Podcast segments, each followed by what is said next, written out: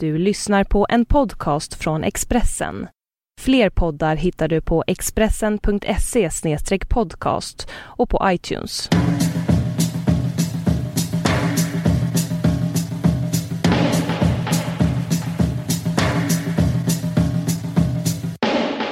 Jag och Liv ligger ner i ett rum i Spanien, i Palma. Det finns inga fönster i det här rummet. Det är bra att ligga ner tror jag, för det kommer bli som Vi ligger ner. psykoanalysen. Mm. Där vill man ju ligga, att folk, patienterna skulle ligga ner för att um, man får ett bättre flow när man ligger ner. Ja, jag håller helt med. Du och jag har ju en tradition av det också. Jag vet. Det är liksom skönare än att sitta. Mm. Det är bara det att det är skönare att ligga och sitta. Du och jag ligger jätteofta ner när vi hänger, ligger bredvid varandra. Men gör du det med andra Ja, människor? jag försöker få dem att göra det med mig. Mhm. Men det är, inte lika, det är inte lika etablerat som det här med att du och jag alltid liksom lägger oss ner när vi börjar prata. Gör man det nu? Att ligga på en divan och Ja, man kan, det finns fortfarande sådana liksom, divaner och så, att man ska, man ska också vara bortvänd från psykologen. Och det är också till, jag, kan gilla det när man går på restaurang och är på dejt och ska sitta mitt emot varandra. Det kan jag tycka är mycket mer pressande för samtalet. Jag tycker mycket bättre om att sitta bredvid varandra. Liksom axel vid axel. Mm, Det bästa, som är, det bästa sättet att ha en dejt det är att ligga ner bredvid varandra i en säng. Nu menar jag inte på ett sånt Nej, sätt. jag utan vet. Det är liksom för att då Det är man... ännu bättre. Exakt, då kan man, då kan man ehm, liksom prata om något eller göra något. Man bara kan tala och, fritt. man kan bara ligga och vila typ. Absolut. Samtidigt som man uh, umgås. enda sak jag minns av Ingmar Bergman, nej. Men sen eh, någonting i hans biografi, eller jag vet inte var jag läste någonstans. Och att han, det bästa, sätt, det bästa han visste var att ligga bredvid sin fru Ingrid och prata. Att det var så han, liksom det var så han umgicks med henne bäst. Jag kände igen mig i det så himla mycket. Att man liksom bara ligger på en bäddad säng typ. Det bästa och jag vet är att stirrar umgås med Ingmar Bergmans fru Ingrid. Nej, men att man ligger och stirrar upp i taket och har ett liksom jätteintressant samtal med någon. Mm, Det är så himla mysigt. Mm, det är supermysigt. Um, jag försöker ofta liksom få folk att lägga sig bredvid mig. Det kan vara jobbigt till exempel om det är någon som man har lite på gång med för då kan det betyda något annat. Men det är bara för att jag vill, om jag vill liksom vara mig själv så är, det, så är det bästa sättet att kunna prata. mm, jag har också varit så här drivet i att eh, ha dejt exakt på det sättet. Alltså så här, eh, ska vi ses uh, hemma hos dig och ligga ner bredvid varandra i en säng till exempel och kolla på SVT Play. Vi är också här med Jonathan Två- Johansson. Ja, han kan inte, han kan inte, han måste få spela musik.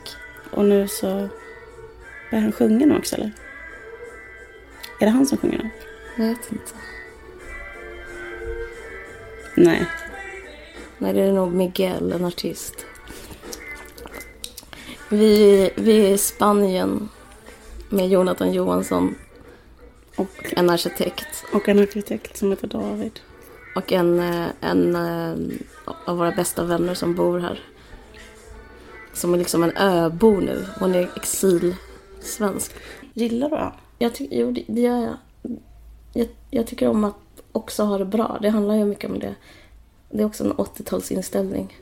Man vill bara vara glad. Vi har det ju jävligt bra. Ja, vi hade svin. Vi har det så jävla bra. Alltså det är så himla skönt att vara eh, ledig. Mm.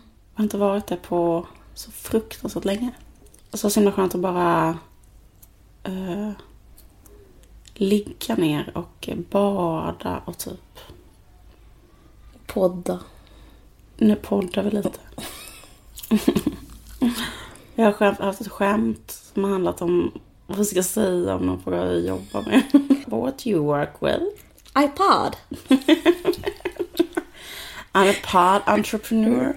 You know, I work with this like really interesting like new thing in Sweden. It's called the podcasting. I'm like a pod entrepreneur. I want to like build like some a, like a pod empire with like the just the sound of voice, you know, like the the un like the unlimited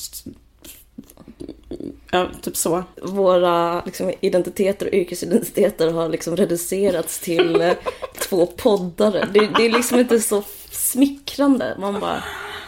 jag är en poddare. Och så gå till banken och be om ett lån och så bara... Jag inte om du har hört vår podd.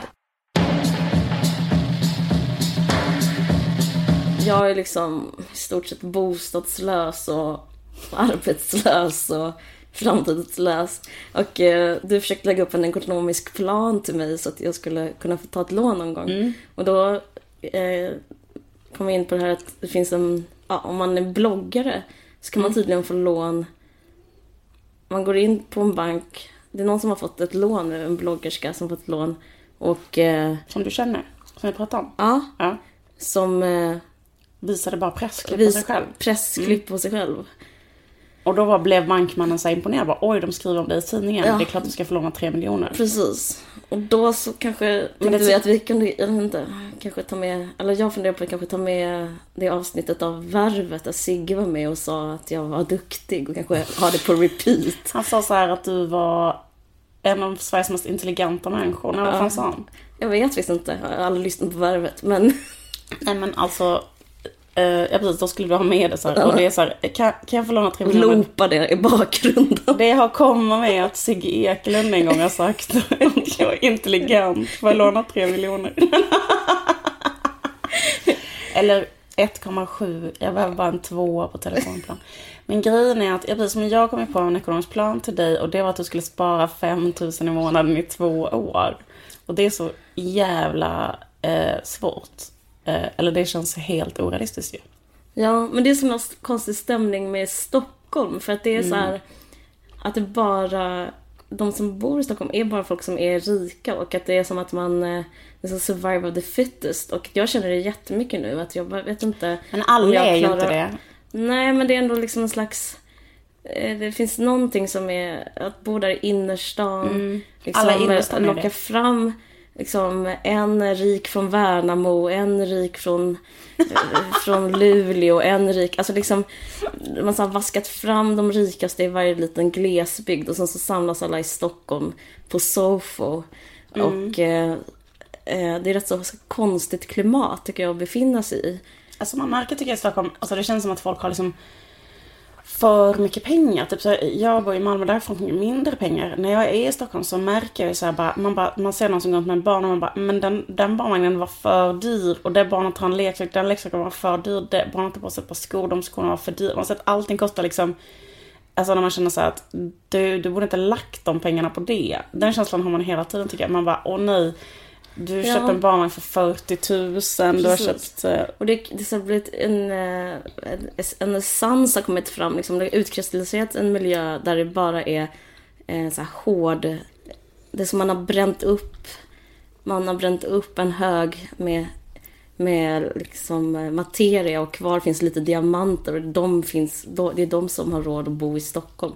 Så det, och de är så här snygga, hårda och som ambitiösa. Jag tycker det är svårt att klänga sig fast, hålla sig kvar. Jag känner jättestarkt nu att jag kanske bara borde flytta.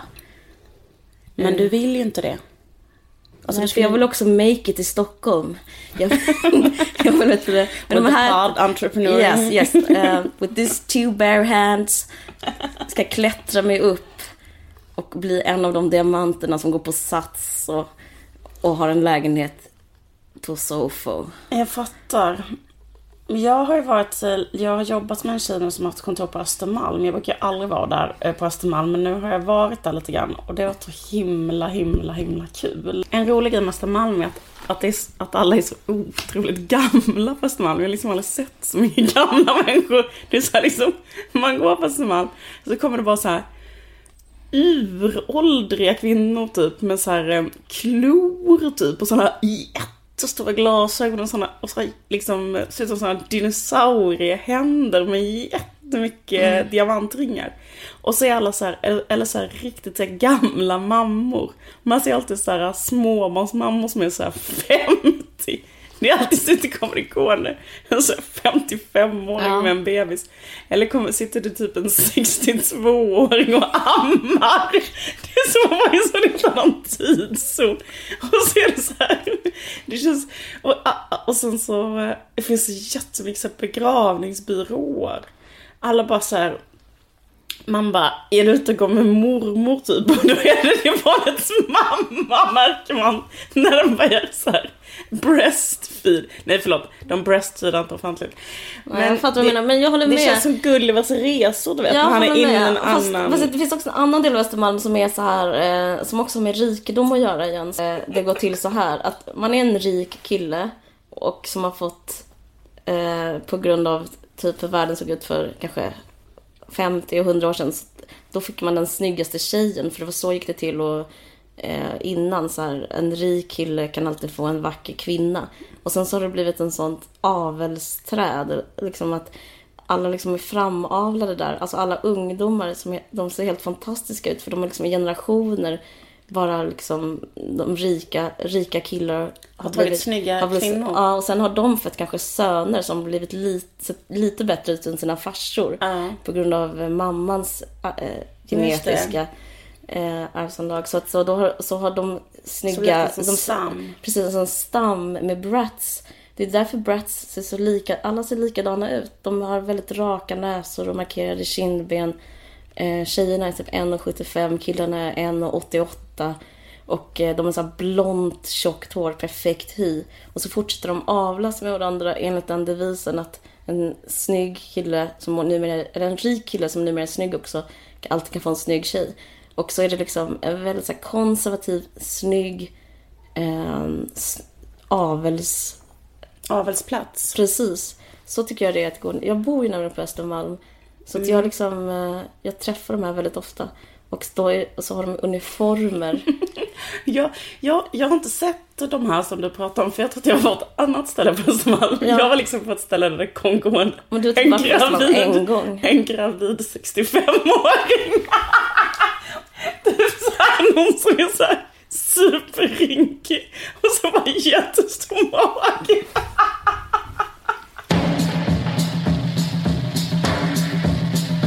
På, jag var, när jag var redaktionschef på Rodeo så låg den på Kaptensgatan, den redaktionen. Och det är bredvid, granne med hovstallet. Så det, det var väldigt så här, um, konstig stämning. Och det är lätt att så här, känna sig lite så här, nedtryckt i skorna. Att när man så här, skyndar till sitt pissigt så här, F-skatts eh, eh, konstiga betalda jobb där man jobbar så här 14 timmar om dygnet med något som känns helt meningslöst. Man bara, vad är populärkultur typ, skriver man om. Och så träffar man Madeleine, jag träffar henne väldigt ofta. Hon tog sen sin morgontur. Men red hon, alltså rider hon dit hon ska? Alltså typ, om hon ska fika ja, så tar hon hästen? Ja, alltså det... Ja. Eller är det så att hon eh, går och fikar med kompisar och binder hon sin häst utanför fiket? Ja, men det, så, en sån eh, vit. Jo, det- galopperar det, iväg. är, det är lite sån lite eh, häststämning. Eh, Förra veckan när jag cyklade, skulle cykla till ett möte, då, då var det hela vaktparaden, den består av, och så, eller om det var ridande vaktparaden, i alla fall, då, de cyklade de på, då, då red de på cykelbanan. Så då var jag tvungen att cykla på trottoaren. Och då så cyklade jag och så, blev jag, så hörde jag ptrr, och då var det två hästar längst fram som tydligen var eh, poliser. Så att liksom, det är så svårt att veta vem som var. Och då så blev jag mm, stannad av hästpolisen för att jag cyklade på cykel på trottoaren. Men cykelbanan fanns ju inte på grund av andra hästar. Så det är liksom sådana nya rikemansproblem som uppstår på Östermalm som, ja, som kanske inte ska uppstå i Malmö liksom, till exempel. Mm.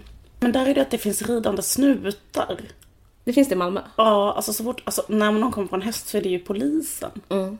För att eh, man bor på en sån gata där det är så här alltid är ett polisingripande på gång. Ja, men det här var också ridande poliser, men i och med att alla är till häst här på Östermalm så är det som att det är svårt att veta, urskilja vem som är bara ska gå och fika och vem som är polis. Liksom. Så att... Eh, Vi har precis varit på stranden. This is the island pod. This is the island pod. ja men vi, vi Hej, poddar. ehm, du har precis varit ute och sprungit Ja, på det var, Palmas eh, gator. mm, det var väldigt underbart faktiskt. Jag hörde på en låt. Jag sprang längs eh, den här boulevarden. Så strandboulevard. Mm. Jag undrar om det heter det, om det heter paviljong. Men det var helt fantastiskt. Det var så, havet var helt silvrigt. Mm. Och så sprang jag där och lyssnade på en låt som heter Bitch Don't Kill My Vibe. och den handlar om en ung kille som eh, gör musik och som inte vill bli störd av någon bitch. Han sjunger så här I get my music and I get my drinks. Bitch don't kill my vibe. Det är ett väldigt bra sätt att eh, springa till. Någon slags modern rubba inte mina cirklar. Härligt. Mm, det var superhärligt. Annars? Eh, jo, det är bra. Um, det var så jävla härligt att vara på stranden. Vi bor ju här i en lägenhet på ett underbart torg. Mm. I natt var det, väcktes jag av att det här liksom, de romska kvarteren, berättar hon vi bor hos. Det är liksom, det är, Palma är väldigt rikt och liksom städat men tydligen så finns det lite så här eh, skit kvar och där bor såklart vi. Eh, ja, det är svårt att se. Men, det här är de romska kvarteren. Precis. Cassandra berättade att eh, eh, man kan köpa mm, vilken som helst drog där precis här nedanför oss. Heroin. Jag fattar. Ja. Och, eh, men det är också... Eh, det är så här, varje natt så sitter jättemånga romer och eh, sjunger flamencolåtar. Så i natt så vaknade jag vid tresnåret av att de sjöng någonting med mi corazon som betyder mitt hjärta. Och så satt så här jättemånga människor och bara klappade händerna. Det var liksom... Det var, Var det helt... pittoreskt? Det var... Fick du en nej, genuin etsno? Nej, det var inte på det viset alls. Det var bara liksom magiskt. Det var, det var bara... A.k.a. genuin etsno? Nej, det var inte, hade inte med etno att göra. Det, det, det var som att man väcktes ur sin sömn och någon typ klappade händerna jättemycket och sjöng mitt hjärta, mitt hjärta. Det var liksom väldigt, det var starkt. Fattar. Eh, men eh, eh, jag lägger inget filter, inget imperialist, inget etno, inget Men pitto. gillade du det lite mer för att de var romer? Jag visste inte att de var romer då och jag älskade redan. Jag, älsk, jag älskade deras ord. Mm. Antagligen handlar det om någon annan än mig, men jag vet inte. Tror du att de raggade på dig Karin? Jag säger, sak- jag vill inte utesluta det. Det var en serenad till dig. Men, eh, men en annan speciell grej med att vara här med dig, Mm. det är att vi bor med två killar. Mm. Vi umgås ju aldrig med killar. Nej, vi umgås med killar, så det är som att liksom, bedriva en slags studie. Ja. Och de... Eh, Vi, är, vi, vi umgås liksom, när vi umgås så, um, så är det ju liksom förbjudet att ha en kille med. Det är typ alltid så här, alltså vi har ju haft en sån, under hela vår vänskap så har det varit sån här stämning att om man tar med sin pojkvän då liksom kan man lika gärna, alltså då, det är, ett, det är förbjudet. Det är liksom ett, eh, vad heter det? Ett fa, fa, foa? Nej, vad heter det? Vadå? Fatwa. Nej, jag menar ett sånt felsteg på franska. ja, faux pas. Ett faux pas etikettsbrott är det ju. Mellan oss. För att man vet att det kommer bli så oerhört mycket tråkigare om en pojkvän är med. Jag vet. Men nu så tycker jag att vi har rätt så kul. Nu har vi superkul, men det är för att vi inte är ihop med dem. Nej, precis. Det är för att vi bara är vänner med dem. Precis, då men- kan man ändå ha kul och prata om olika saker. Men om det är en pojkvän, då kan man inte prata om 90% Men kan man vara vän med en kille? Skoja. Eller måste man bli ihop? Jag vet inte. Men det här, ja. Men, men det som jag tycker är speciellt är um, att eh, killar um, är, är allt som killar är. Till exempel är det en av de här killarna, jag säger inte vem, ja. som håller på med 5-2-dieten. Mm. Och jag kom, kan du säga med handen på hjärtat någonting som är mer killigt 2013? Nej, nej. Alltså, Känner men- du någon kille som inte håller på med den? Nej, nej. Alltså, ibland pratas det om normupplösning i samhället. Man vet inte om någon är man eller kvinna och så. Man kan sätta riktigt säkert tecken Ja. på att någon är man. Ja, Ett, att den håller på med 5-2-dieten. ja man, behöver, man behöver egentligen bara det. Man behöver egentligen bara det. Två, om han äter semlor till frukost, typ obrytt. Ja, ja, ja, men det är nästan samma sak. Ja, men det är det jag menar, det är samma sak. Ja, precis. Då är det... Det, vara så här, det, menar att, det menar att man har ett fritt sätt att laborera med mat. Eh, man är inte, alltså, Man är ätstörd på ett sunt sätt. exakt. Eh, och det är rätt så spännande att leva nära sådana personer som eh, Mm. har en slags... eh, ja, det känns som det här är tema för den här resan är rätt så mycket så här kropp och mat liksom. Eller liksom, Bara för att vi ser så mycket kroppar. vi ser kroppar hela tiden Ja. och vi ser någon som håller på med 5.2-dieten hela tiden. Ja. Eh, men vad... Alltså jag, jag vet inte. Ja men det, det är faktiskt intressant. Och att... ehm, det är en flygvärdinna som hela tiden skickar nakenbilder på sig själv till en av de här personerna som vi är här med. Ja. Och då tittar vi mycket på de här bilderna, det är inte nakenbilder utan det är bild på henne i bikini. Hon är 45 men hon är extremt bibehållen, inspirerande bibehållen. Ja, verkligen. Och om jag hade haft en sån kropp när jag var 45 hade jag också skickat bilder på mig själv till alla typ. ja, precis. Ehm, men, um, ja men precis, så det är mycket liksom att det finns kroppar utanför IRL. Det finns, det finns både utanför och innanför. Ja, men det känns som det är en väldigt vanlig grej också. Eh, det här med att man skickar nakenbilder. Det, Mm. liksom, det har blivit så lätt. Frågan är, har det blivit för lätt att skicka en nakenbild till Oj, vem som helst? Jättebra fråga. Ja, Eh, ehm, eller liksom hur påverkar det ett samhället? klick bort. Ett sänd bort. bort. Ja, alltså det, eller liksom hur påverkar det folks relationer att alla börjar skicka naken bilder på sin egen kropp? Just nu skickar alla nakenbilder. I den här sekunden skickar miljoner människor nakenbilder. Ja. Ehm, Jag tycker en grej är jobbig med att skicka nakenbilder. Mm. Jag säger inte att jag har gjort det. Jag säger inte heller att jag inte har gjort det. men, men det är typ så här att sen så typ när man träffas, alltså det är liksom som en, som en mer avancerad form av när man håller på att chatta med någon. ja. Sen när man träffas så är det upp till bevis. Och då kan man ju så anstränga sig. Så här, man, då kan man så här kanske vara jättetrevlig. Men det blir så himla jobbigt. Man skickar en nakenbild i en så fruktansvärt snygg vinkel. Ja. Och sen så måste man så här, okej, så kanske man ska gå på en dejt då två veckor senare. Då, känner, då finns ju bara den enorma pressen återstår att träna svinmycket. Och så, alltså det, det är så himla jobbigt. Jaha. Eh, Jag tycker man sätter upp väldigt så svåra hinder för sig själv. Att man har tagit sin snyggaste vinkel och då förväntar Precis, för sig det känns liksom ändå inte som det finns utrymme att skicka en ironisk nakenbild. Nej, det, nej, det tror jag absolut. Nej, det För håller jag med det om. får man väl inget för, eller? Men vet du vad jag tror? Ett problem jag kan ha, det är att man kan, att man kan jobba upp en viss... eh, Om man håller på med så här, att man skickar nakenbilder till exempel. Då är det som att man är på... Sen när man ses, ska man då bara direkt stå av sig kläderna? Fattar du? Alltså, det blir liksom som att så här... Fast mitt svar på den frågan är att man... Att nej, att det liksom händer, någonting händer i en kontakt. Och sen måste man, när man väl ses, börja på en mycket, mycket, mycket mer lägre nivå. Mm. Fattar du vad jag menar? Ja, jag fattar. Det är liksom att man kan trissa upp en stämning som är så här helt störd. Ja. Men och sen ska man bara typ, ska man då leverera den det första som händer? Ja, då måste man komma dit. Liksom, då måste man komma, säger så här, kom till den här restaurangen då och då. Och så måste man själv dyka upp ur en tårta. För ingenting matchar. Men är det lika vanligt att män skickar nakenbilder till kvinnor? Eller tvärtom? Alltså det är väl mer objektivt så att kvinnors kroppar är sexigare. Alltså jag, sk- jag vet inte. Vad, vad skulle en man skicka? Alltså, jag vet inte. Vad vill, vill man ha? Jo, vill jo du- men alltså. jag, menar, jag menar att det finns en Älskar inte tradition. du eh, manskroppen?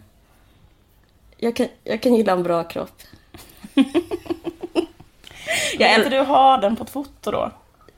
Jo, kanske. Jag kan inte svara. Nej. Fast om ni har en bild så kan ni skicka den till... eh, 0735.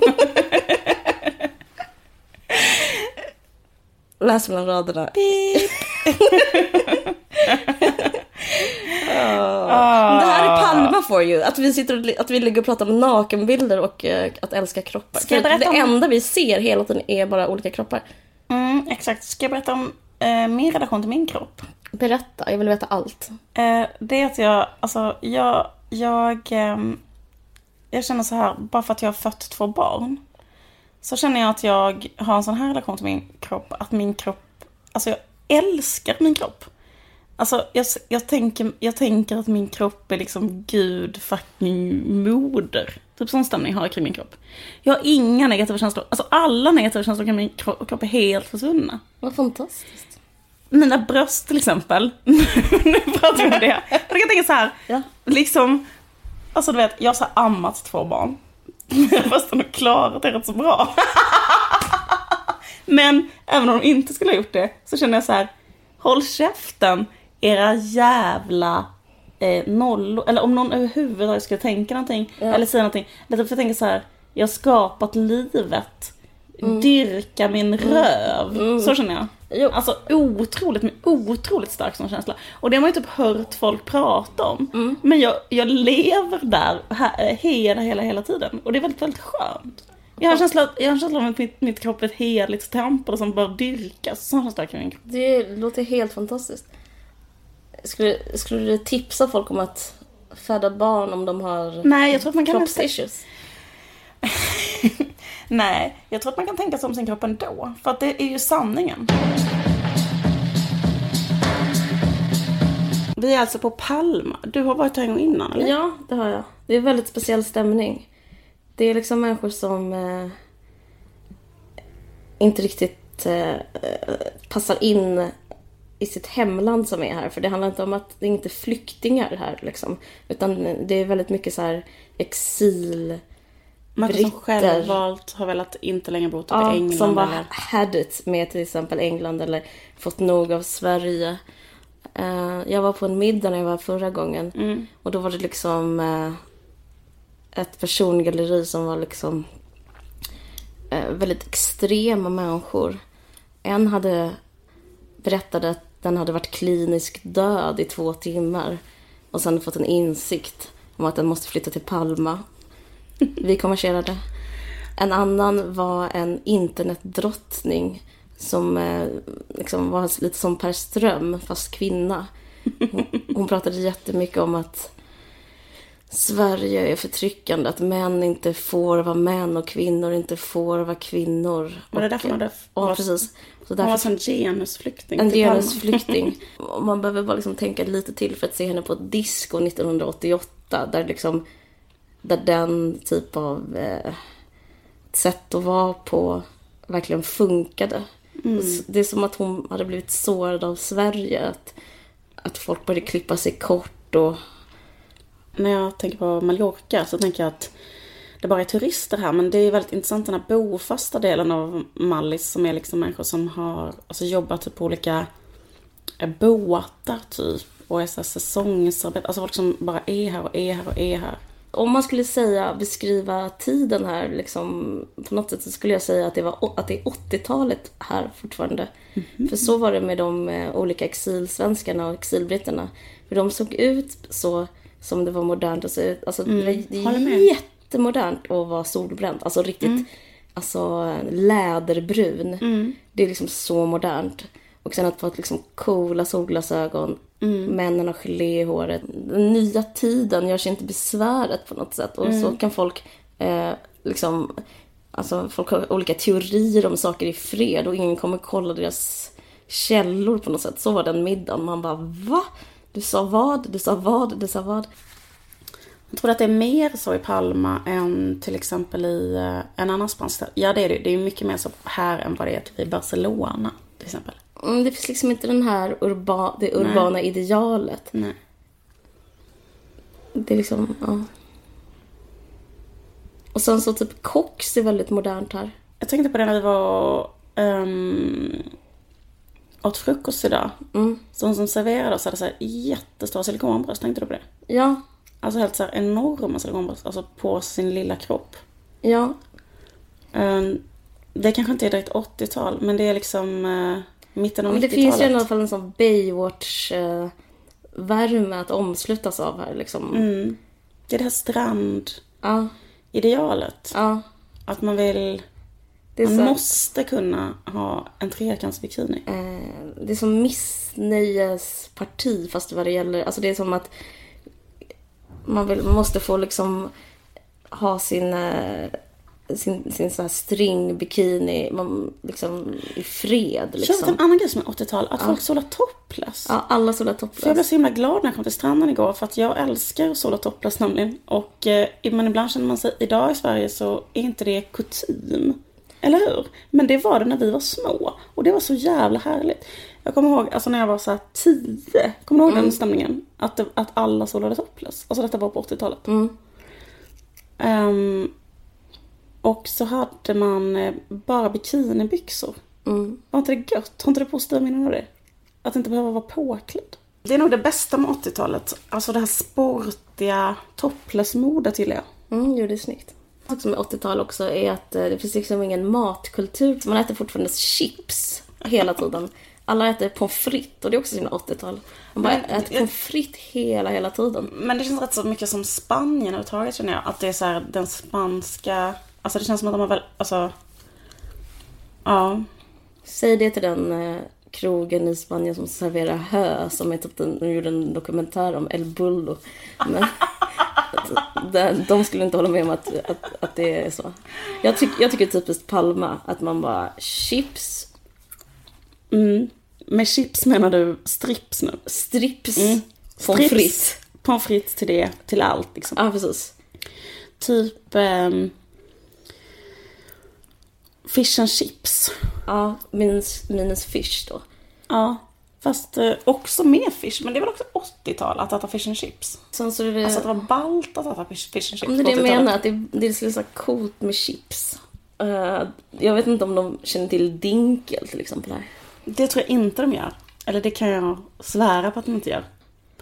Hela Mallorca var ju inne på 80-talet Ja. också. Alltså att det var så här, att ha en t-shirt där det stod Mallorca Precis, var ju så här, kanske coolt. precis. Men är det det nu? Det är frågan. Jag tänker på det Lena Nyman avsnittet. När, vi, när hon mådde så himla dåligt över sin kropp. Och att det liksom bara förstörde hela hennes liv. Det är liksom var som en slags eh, krokben för allting. Var fint det skulle vara om hon skulle känt så. Men kanske å andra sidan inte hon hade behövt ställa sig på en scen och få försöka få liksom återfå en slags kärlek. Om hon hade haft det till sig själv. Det vet inte jag. Jag ska inte reducera hennes konstnärskap till bara handla om bekräftelse men jag vet inte. Ja, Men grejen är att det är olika, liksom, det är väl liksom olika, hon älskade säkert sin kropp i perioder också, tror du inte? Jo, kanske. Men jag tror det är väldigt många kvinnor som inte älskar sin kropp. Men jag vet inte om det kan bero på att jag inte har så höga krav heller. Eller fattar du vad jag menar? På, alltså. Jag kan tänka så här om min egen kropp. Så kan jag tänka så här.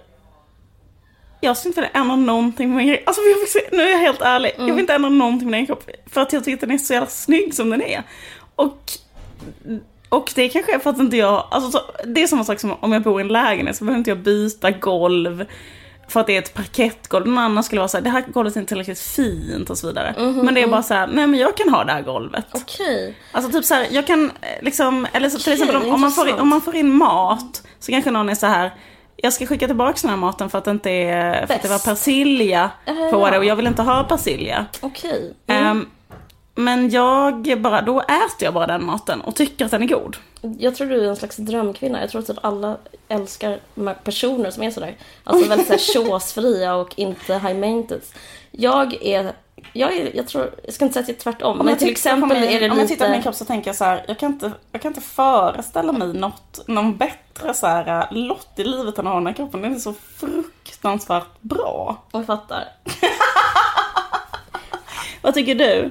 Uh, High jag, maintenance? Du tänker så här, jag skulle vilja ändra något. på dig. På mig? Nej, nej absolut inte. Nej men jag, jag tänker att det är kanske lite signifikant att jag kommer från en löprunda. Men det ger mig en slags... Eh, jag har precis sprungit i 40 minuter längs stranden och känt liksom livet pulsera. Eh, Och du känner ändå att du älskar din kropp för att du har kunnat springa? Nej, men jag känner mer som att det finns en slags... Eh, jag har en slags tävlingsinstinkt Ja. som går över, går i allting. Liksom, jag känner att jag alltid kan Bli bättre. bli bättre. Jag känner alltid liksom... Eh, min, eh, liksom Du skickar jag kan- ut maten igen och tänker att du kan få något bättre? Ja, ja, inte så ofta men jag skulle kunna göra det och jag skulle... Eh, och, och jag liksom... Eh, min kropp, jag, liksom, jag vill bygga den, jag vill fortsätta. Det men det är också ett annat sätt att se på en slags... Jag vet inte, som en poddentreprenör så passar det liksom rätt så bra. Jag skojar. Nej, men det är liksom, jag Du är, på hung, du är mer hungrig än vad jag är. Ja precis, och Ja. jag tänker liksom att allting, allting kan, kan bli bättre och att det finns en slags njutning i att hela tiden så här bygga något. Jag håller på och bygger, bygger mig själv till att bli bäst. Jo, men så tycker jag att det är också. Att man kan inte... eh, eh, Men grejen är att när det just gäller ens egen kropp, då är det ett lopp som alltså man är otroligt dömd att förlora. PGA, tidens gång. Jo men inte det liksom en miniatyr av livet självt? Att man liksom, att man ser hela livet som ett sisyfosarbete så kan man, kan man hålla på med det liksom på även så mikronivå. Att jag är ute och springer är bara liksom en slags eh, ett mikrokosmos för hur hela livet är. Man håller på och kämpar, kämpar på, kämpar på. Någonting blir bättre, sen blir något sämre igen, men man kämpar på och kämpar på. Fast just ens jag, kropp är ju ett... Eller förlåt. Men man kan ju förändra sin kropp. Det är liksom inte helt sant det du säger.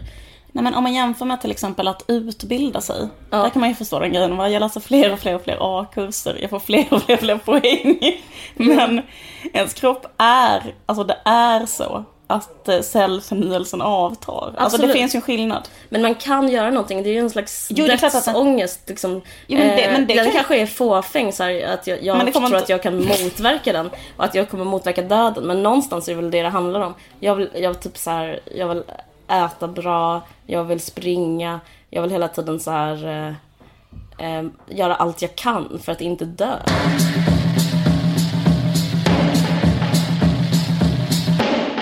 Jag sitter på flyget och tänker på ångest.